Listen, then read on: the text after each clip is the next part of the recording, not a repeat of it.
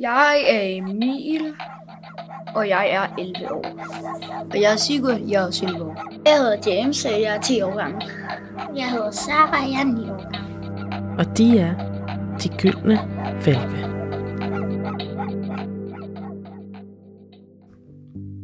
Jeg hedder Julia. Men du kan bare kalde mig fortælleren. Det er mig, der kommer til at tage dig med rundt i fantasiens, livets og tankernes afkroge, sammen med de gyldne valpe og min ven, filosofen. Filosofi handler jo først og fremmest om at stille spørgsmålstegn ved stort set alting. Det handler om at undre sig, og det handler om at, at, at, at sætte ord på den nysgerrighed, som vi jo alle sammen er født med. Filosofere. Det er lidt ligesom at tænke meget stort om meget almindelige ting. De gyldne valpe er nogle børn, der normalt hjælper teaterhund med at lave teater, men som her i podcasten skal være med til at hjælpe alle os, der lytter, med at tænke mere over den verden, vi lever i. Velkommen til De Gyldne Valpe, og hvad er mod?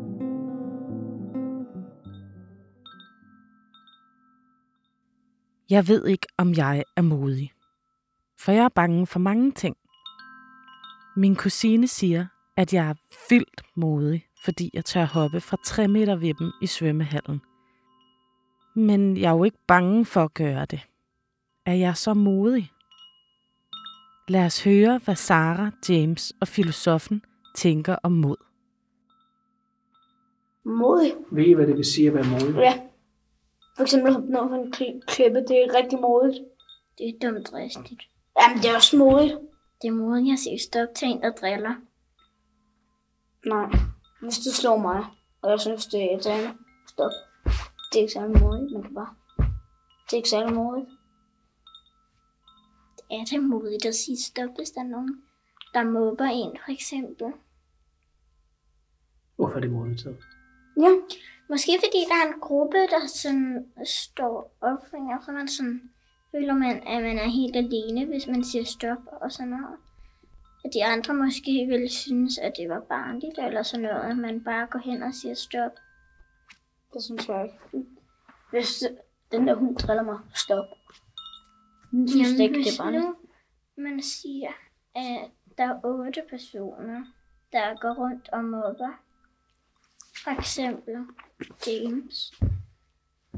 Og så er det, at så kan det være, at jeg så går hen og siger stop. Det er modigt, fordi at så kan det godt være, at de driller den.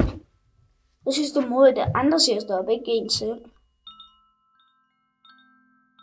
James, du sagde, hvis man hopper ud fra en klippe, så er man modig. Og så sagde Sara, nej, så er man bare dumt dristig.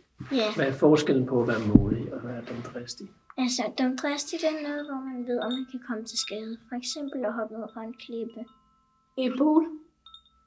I en pool, der er to meter eller, eller fem meter, så er det måske okay. Men hvordan ved jeg så, hvis jeg, når jeg går væk her i aften, og jeg tænker, nu vil jeg gerne gøre noget modigt, hvordan ved jeg så, hvad forskellen er på det, om det er dumt dristigt eller ikke? Den dristige, det er noget, hvor jeg måske kan det her gå galt, og sådan noget. Måske ikke, så er det ikke så modigt. Altså, Men hvis, hvis nu man man er for bange for eksempel- noget. Men så er det, altså at være modig, det er sådan noget, hvor man tænker, jeg kan måske prøve at gå over mine grænser, for eksempel hvis man ikke kunne lide skumfiduser. Så kan det være, at man prøver at smage skumfiduser. Og så er, man bare, så er det bare det bedste. Men i modsætning med, at man tænker, det vil være sejt at hoppe ned for en klippe. Nu gør jeg det. Det er dumt dristigt. Skal man ikke være lidt bange, før man kan være modig? Jo. Man skal jo være bange for noget. Hvis altså man bare tænker, jeg elsker spøgelseshus, nu går jeg derop, så er jeg modig. Så er man jo ikke rigtig modig, fordi man ved, Men det, elsker det det. er sjovt, og det er noget, jeg godt kan lide. Så prøver man ikke noget nyt, og så gør man ikke noget, man synes er skræmmende eller sådan noget. Nej. Og så overvinder man heller ikke sine grænser. Så er det bare sjovt. Man kan sige, på den ene side, så kan man være alt for modig, så bliver man overmodig, eller man bliver Ja. Dumdristig. Men man kan også på den anden side, hvis man så slet ikke er modig, Hvis man er bange for alt. ja, Hvis man er bange for alt, så skal man jo prøve nogle nye ting og finde ud af, om det faktisk er sjovt, eller om det bare gør en bange. Hvad med, hvad med for eksempel en skolelærer? Er de modige? Nej. Det kommer an på, hvordan man er skolelærer. Så er det, at man sådan, så skal man jo ture og stå foran en klasse, og ture og gøre alle mulige ting. Sådan. Så på en måde er det modigt at være skolelærer. Så skal man jo kunne stå op for- foran alle eleverne og det tør jeg godt. det hele, og så skal man stå sådan og kunne forklare det hele, og sige det hele på en rigtig måde, og sådan, så det ikke lyder tåbeligt for eleverne. Men man kan ikke sige, det er både svært, og så er man også lidt modig, hvis man tør sådan stille sig op og sige, sådan her, sådan her skal I gøre. Så på en måde er det modigt at være skolelærer. Det kan da godt være. Jeg også har været dumt dristig engang, hvor jeg egentlig troede, jeg var modig. Hvad må Emil og Sigurd tænker om mod? Hvad vil det sige at være modig? Når man tør ting. Altså ligesom, lad os nu sige, der er et helt mørkt rum, og der står en dræberklovn derinde, og så er du tør at gå derind. Så er du modig, fordi det gør de andre ikke. Det kan også være, at du har en masse venner, der er modige, og så du er mindre modig, sådan, ej dreng, jeg springer lige over. Så det kan man kalde modig, at gøre ting, som man ikke, som man ligesom tør, men det, og det er virkelig uhyggeligt, som de andre ikke tør, så er man modig. Så når man gør noget, som andre ikke tør, og man selv ikke... Helt tør det, men man gør det stadig. Okay. Så frygten i øjnene. Kan man være modig, uden at være bange? Først? Nej. Og så med, altså, har jeg et eksempel på en, der er vildt modig. Det kan være nogen fra Marvel, eller... En af mine venner, Mm. Han tørte hoppe. Han, han løb. Der er, der er sådan en gul bakke op på, vores, op på vores skole, og så er der sådan trapper. Så tørte han at løbe, og så hoppe ud over de trapper. Han brækkede så også lige benet, så nu er det lidt træls. Okay. Men det var modigt, fordi han gjorde noget, der var... Farligt. Mm. Og han turde, han turde heller ikke gøre det. Han var sådan, ej dreng, det gider jeg ikke. Men, og vi var sådan, "Jamen, du behøver heller ikke gøre det. Og så gjorde han det. Så over, han overvandt sin frygt. Men brækket ben. Hey, yeah. Altså, det er jo modigt, at man tør at gøre det. Men måske skal man også nogle gange tænke sig om, inden man hopper ned fra en gigantisk trappe. Og Vil- brækker begge ben. Yeah, Vil du sige, det var modigt, det han gjorde? Ja, på en måde. På en måde, på en måde. ikke? Den del af det, der siger, at det ikke var modigt, hvad siger det? Den siger, at det var dumt. Og en dårlig idé. Okay. Så kan man sige, at nogle gange kan man godt være så modig, at det man gør, det er dumt. Ja.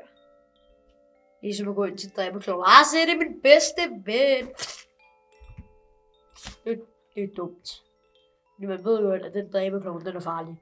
Man kan gå ind til den og sige, jeg er ikke bange for dig, og så skubbe den eller gå et eller andet. I stedet for at gå hen til den, og så begynder at kramme kysten. Mm, mit bedste venner. Det er jo- det er Nu bare- begynder jeg at blive lidt forvirret, ikke? fordi I startede med at sige, at være modig, det er, når man gør noget, som man er bange for. Og nu Ja. siger jeg så, for eksempel, hvis jeg går ind i en kælder, hvor der bor en dræberklov, det ville da være vildt modigt at gå ind til den. Men så siger I så, at det er dumt. Men hvad er så forskellen på at være modig og på at være dum? når man er modig, så tænker man så. Man tænker sådan lidt, hvis der står en kæmpe økse, og så sådan bare snurrer rundt, så tænker man sådan lidt, ej, jeg skal nok ikke gå ind i den.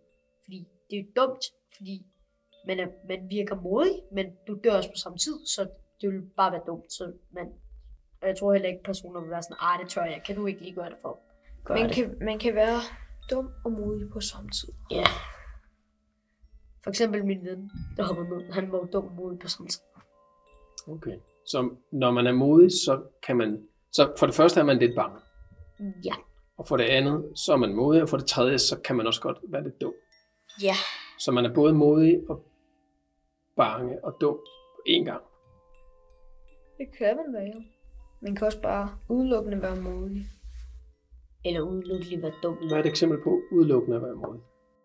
At man, hvis man ved, at det er farligt at gøre det. Men man ved også, at man godt kan. For eksempel at røre ved en dum edderkop.